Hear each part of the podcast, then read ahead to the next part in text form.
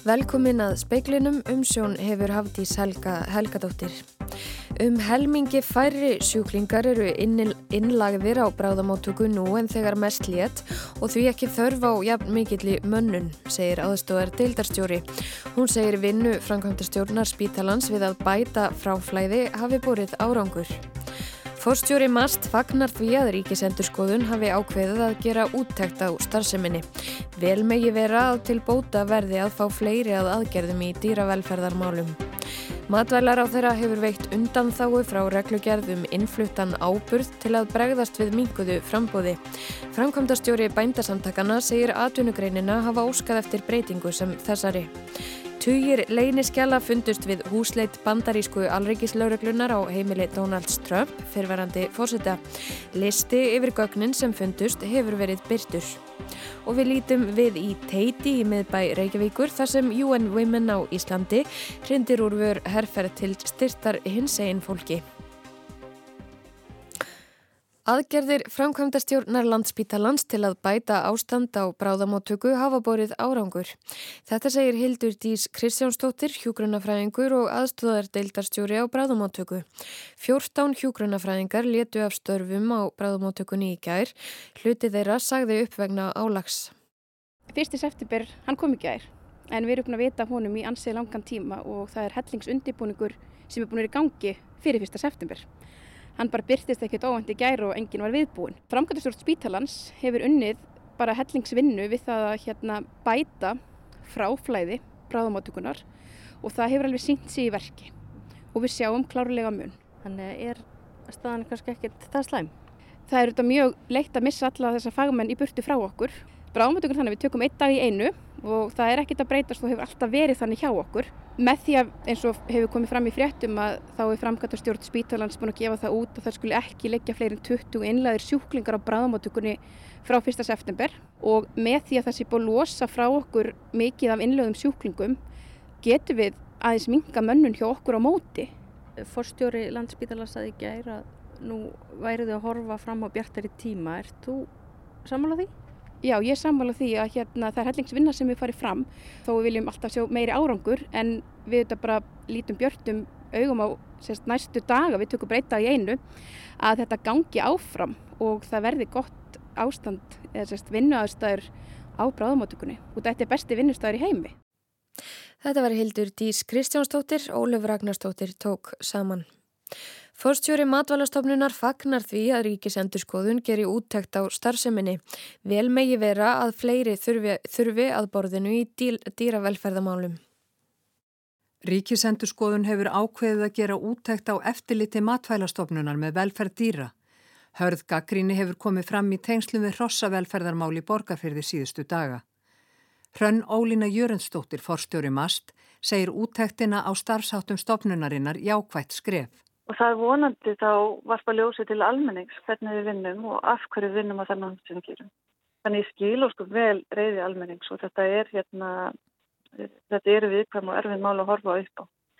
E, það væri bara mjög gaglegt að skoða hvort það væri einhverja leiði til til að opna og sagt, fá fleiri aðila að borðinu. En er, þetta er oft líka flóki því að við þurfum að gæta að um, persónavendarlögum og hvað við megum tjá okkur um varandi rannsóknar. Hrann Ólína segir mikilvægt að skoða hvort umsi að breyta vinnuferlum svo almenningur upplifi ekki að matfælastofnum sitji hjá og aðhafist ekki þegar erfið mál komi upp. Þessi mál eru flókin og erfið og þetta tekur líka á okkar fólk að horfa upp á þetta. En sá sem að eh, er leikmaður og fylgist með og sér að það er, það, það er engum vafa undirorpið að það er dýr sem að er ekki réttu ástandi og vill eðlilega að það sé gripið inn í strax, að það sé ekki takt að býða með það. Já, það er, ég skil það mjög vel og í ákveðnum tilveikum það sem að ástand dýrana er með það, það alvarlegt að grípið við strax inn í, sem betur fyrir gerist ekki orð. Uh, ef við verslusuftum á rángan hátt þá gæta leitt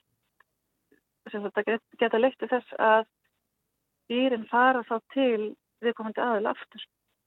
Þannig að við verðum að tryggja það að við gerum allar hluti rétt. Sæðir hann Ólína Jörundsdóttir, Ólöf Rún skóladóttir talaði við hana.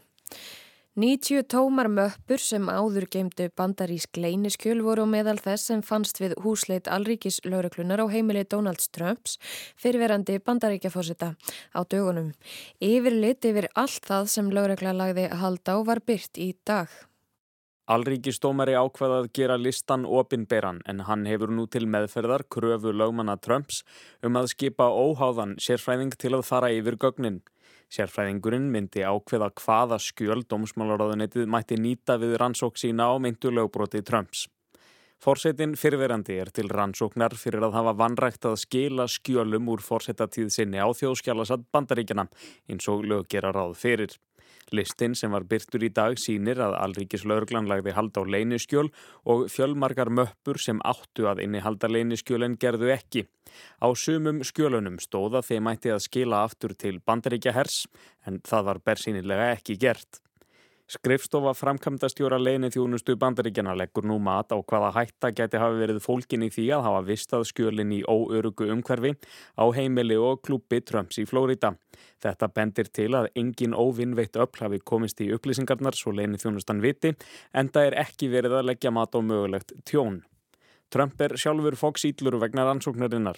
Hann hefur sakað allríkislaurugluna og dómsmálaráðuneytið um nortnaveiðar og hafa samflokksmenn hans úr röðum republikanaflokksins tekið undir þann málflutning. Þorgnýr Einar Albersson sagði frá.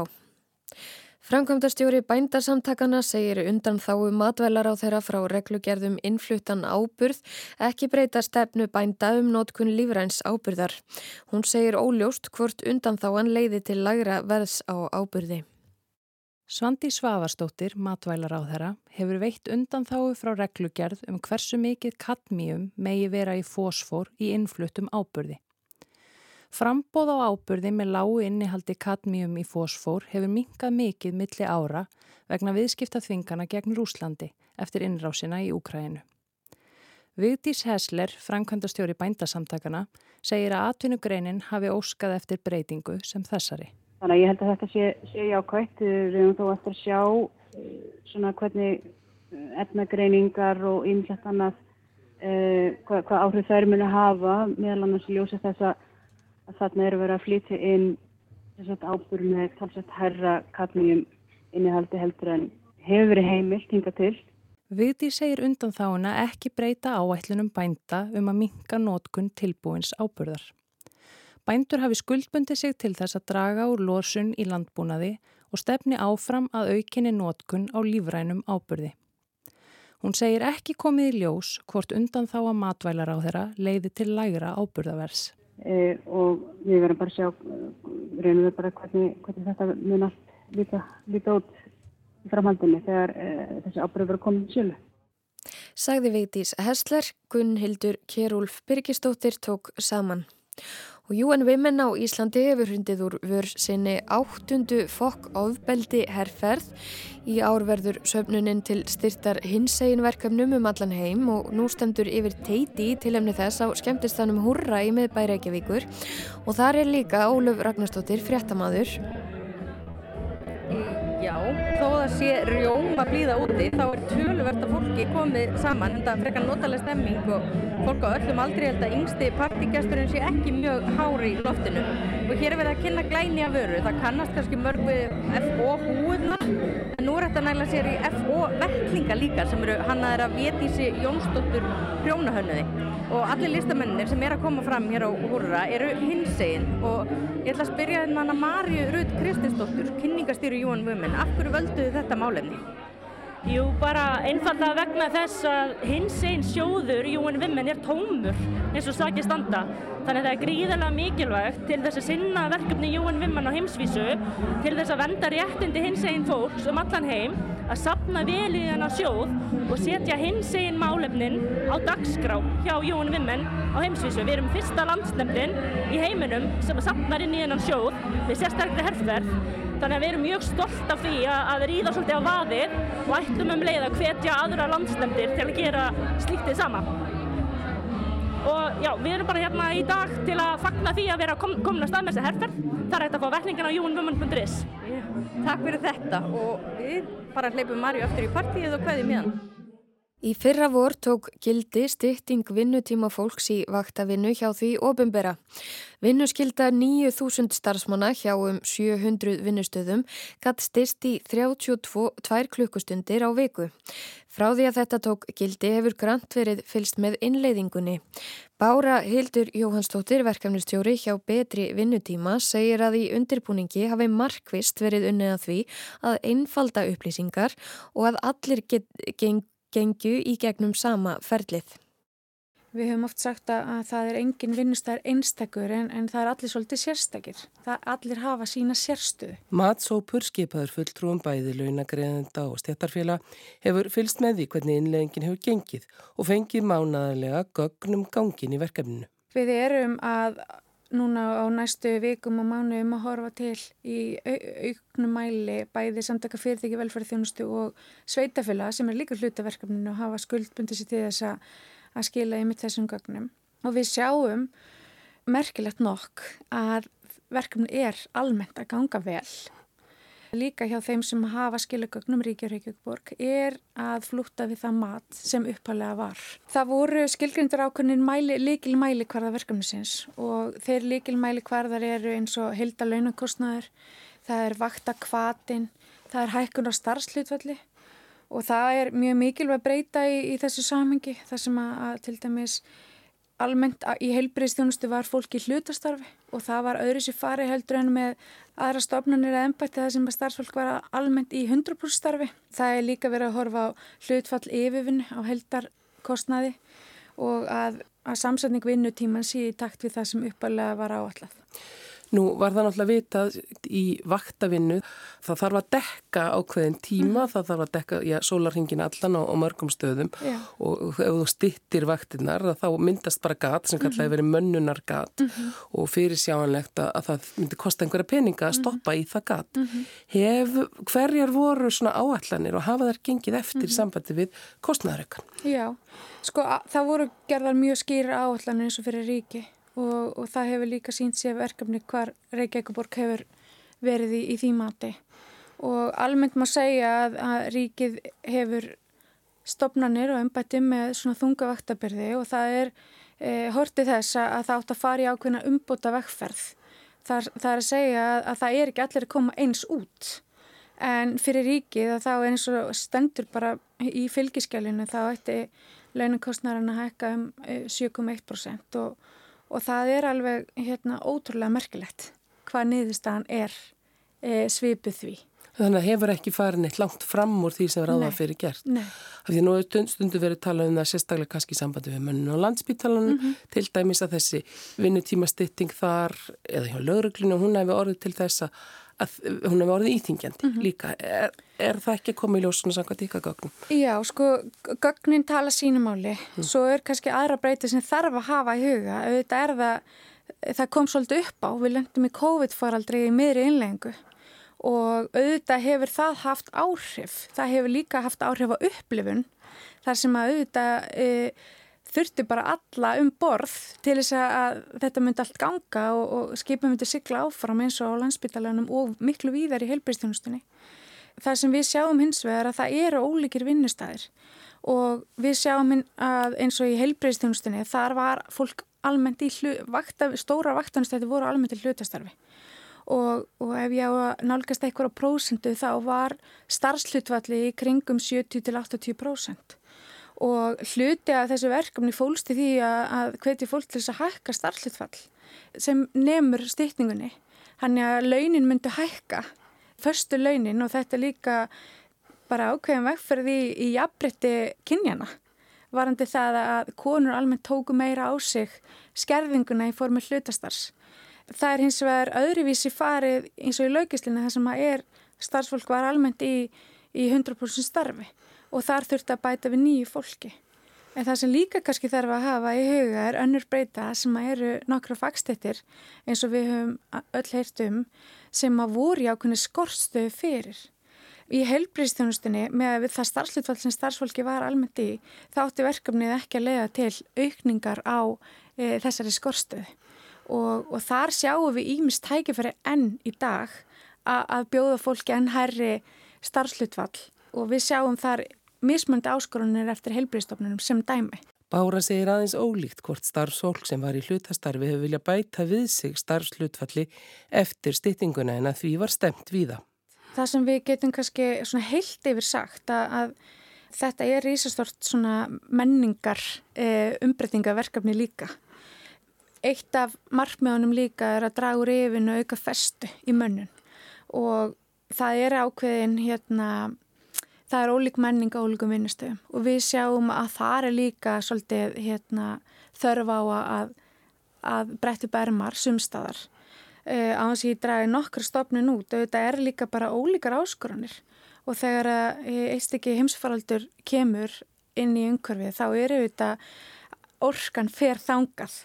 Og þá er kannski minni orka í því að, að fylgja eftir verkefninu. Mm. en það hafa allir gert sitt besta.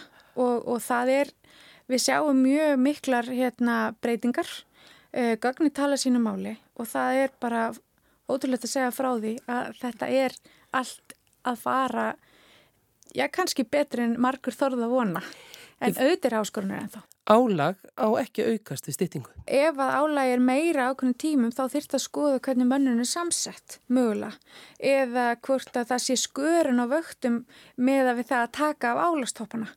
Ef að vel þetta vera þá ættum við að endur skoða ymmit mönnun okkar með tilliti þarfa og álags helst, eh, háls, nei, hálsvarslega að lámarki árlega. En breytingar á vinnutíma leysa ekki mönnunavanda þar sem fyrir var skortur á starfsfólki. Og við vissum það að breytingar á vinnutímanum átti ekki að laga það heldur.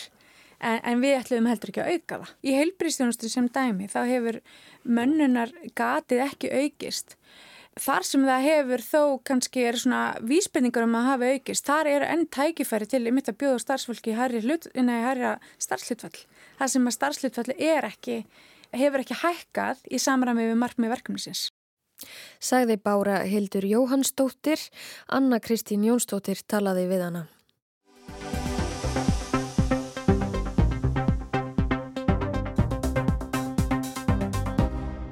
Aldrei hafa fleiri einstaklingar á flótta leitað hingað til lands.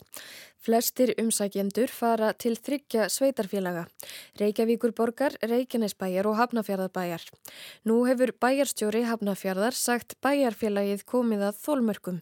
Það geti ekki tekið við fleirum og hvert er undan því að ekki sé hlustað. Félagsmála ráþara segir þetta vera vakstarverki. Nikolai Mósti er forstöðumadur fjölmenningasettus. En við lítum á frett sem hérna, hafi komið upp hérna, við Reykjanesbæ og Hafnafjöður. Það tengist hérna, ákveðunatöku í tengst við búsetta.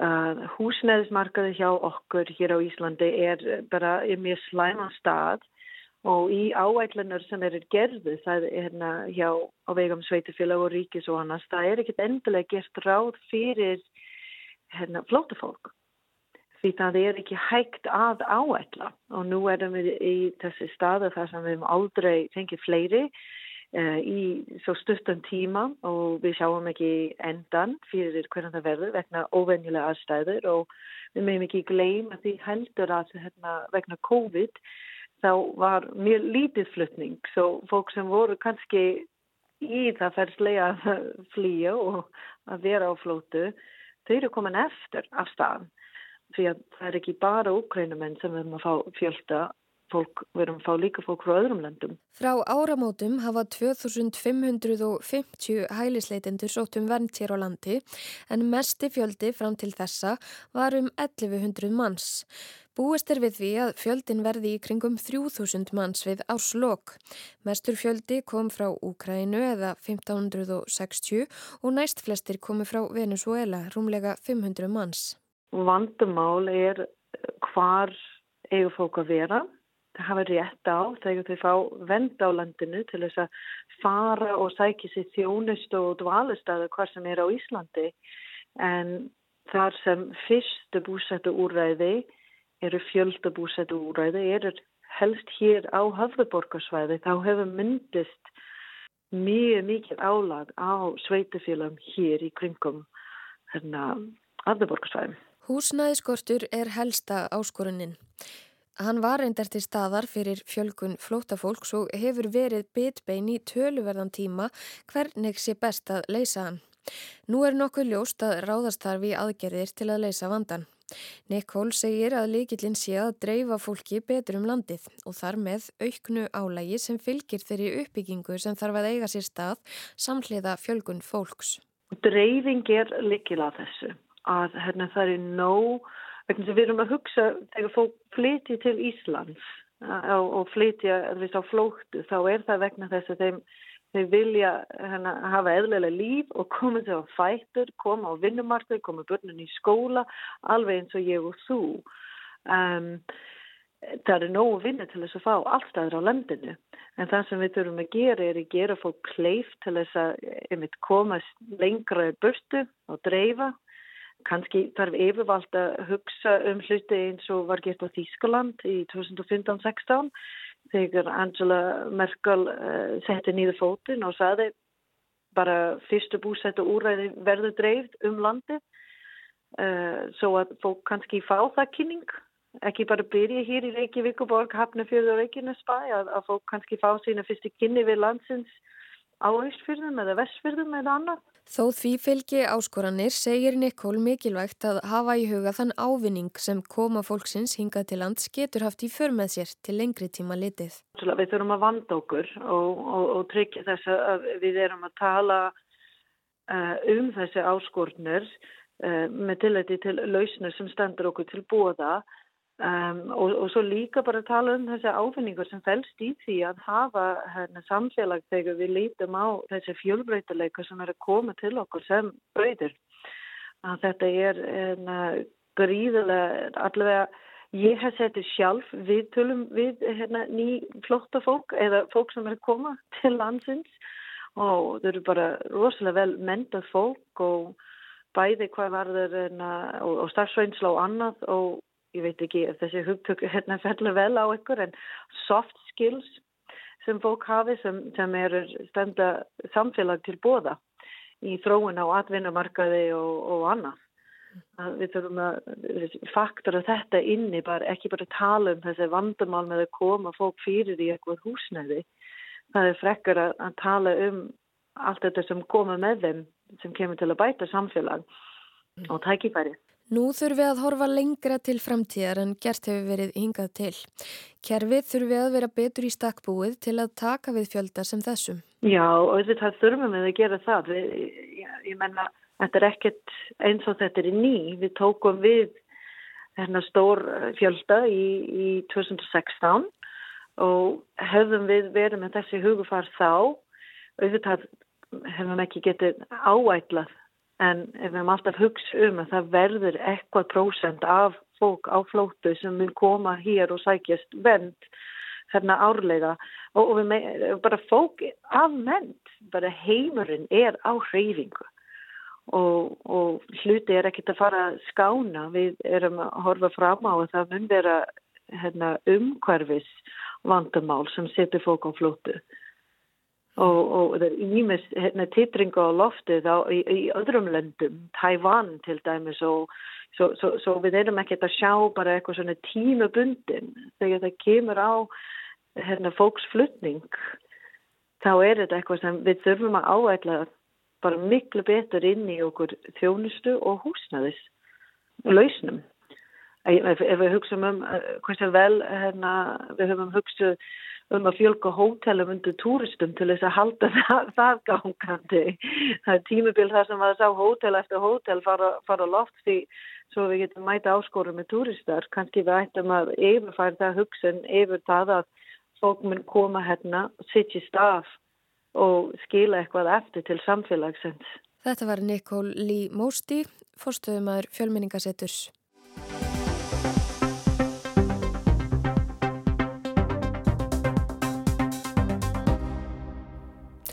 Og við endum speilin þessa vikuna með því að segja frá því að bandarískur eldriborgari, George Michael Dolens yngri, 77 ára að aldri, hefur hefðað mál á hendur alríkislauruklunni FBI. Hann krefst þess að fá að sjá skjöl sem eiga að vera gemd í hyrslum embætisins og fjalla um meinta vinstri sinnaða aðtapna sem er dægurhljómsveitar sem hann leik með á sjönda ára 20. aldar.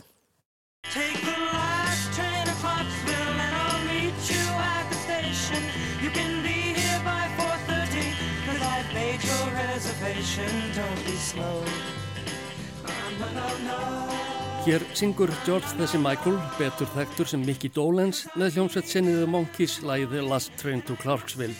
Tekstinn er sagður fjalla um ungan mann sem er á leið í herin og langar til að hitta einu sinni enn þá sem stendur hjarta hans næst.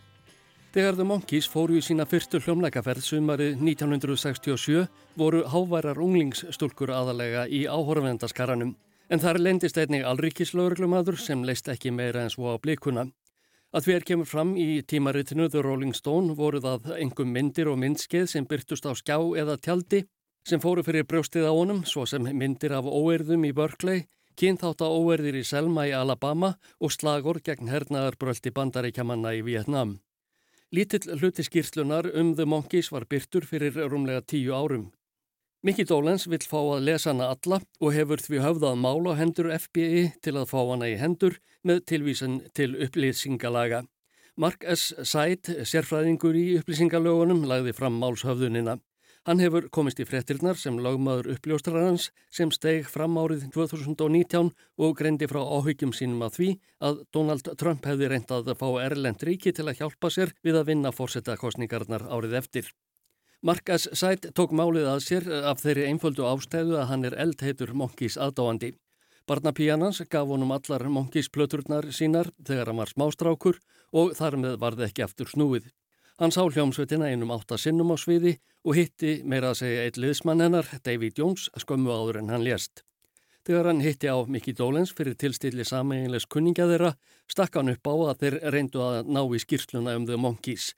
Dolens var til í það. Vandin við að komast yfir gögn frá alríkislauruglunni er sá að henni berst aðra grúi beðina á hverju ári. Stopnuninni ber að svara erindum innan 20 virkra daga en það tekst nánast aldrei. Því þurfti Markas Sætt að höfða mál á hendur stopnuninni fyrir hönd Dólens og hinn að þryggja í The Monkeys sem eru fallnir frá til að sína að alvara er á bakvið beðinina. Mörgum þykir það furðu sæta að alríkislauruglan hafi haft áhuga á The Monkeys á sínum tíma hljómsveit sem hafðaði fyrst og fremst til unglinga. Nær hafði verið að lauruglumennirnir fylgdust með hörðum andstaðingum Vietnamstriðsins svo sem Country Joe and the Fish eða MC5. Því eru Mikki Dólens, Mark S. Sætt og vafarlust fleiri spendir að fá að sjá hvað alrikis lauruglumennirnir hafðu á sínum tíma að aðtúa við The Monkeys eða apakettina eins og þeir voru yðurlega nefndir hér á landi.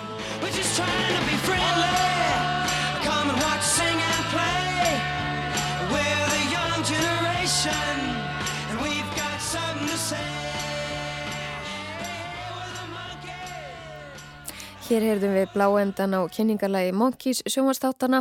Áskeir Tómasson sagði frá. Og það var helst í speiklunum í kvöld að um helmingi færri sjúklingar eru innlagðir á bráðamáttöku nú en þeirra mest létt og þú ekki þörf á jafn mikilli mönnun, það segir aðstóðar deildarstjóri. Fórstjóri Mast fagnar því að ríkisendurskoðun hafi ákveðið að gera úttekt á starfseminni, vel megi vera til bóta og verði að fá fleiri að aðgerðum í dýravelferðamálum. Og týjir leyniskjala fundust við húsleit bandarísku alríkislaugreglunar á heimili Donalds Trumps fyrverandi fórseta, list Listi yfir gögnin sem fundust hefur verið byrtur. Veðurhorfur á landinu til miðnættis annað kvöld, norðaustan 5-13 metrar á sekundu og létt skíjað söðvestan og vestanlands í kvöld, annað skíjað en úrkomu lítið. Fremur hæg breytileg átt á morgun, skíjað með köplum og hiti átta til 15 steg. Kvöldfréttir sjónvarsverða klukkan 19.40 í kvöld vegna útsendingar frá leik Íslands og Kvítarúslands í undankjefni HM í fótbolta. Fleira er ekki í speiklinum í kvöld. Tæknumadur í útsendingu var Magnús Þorstein Magnússon. Verið sæl.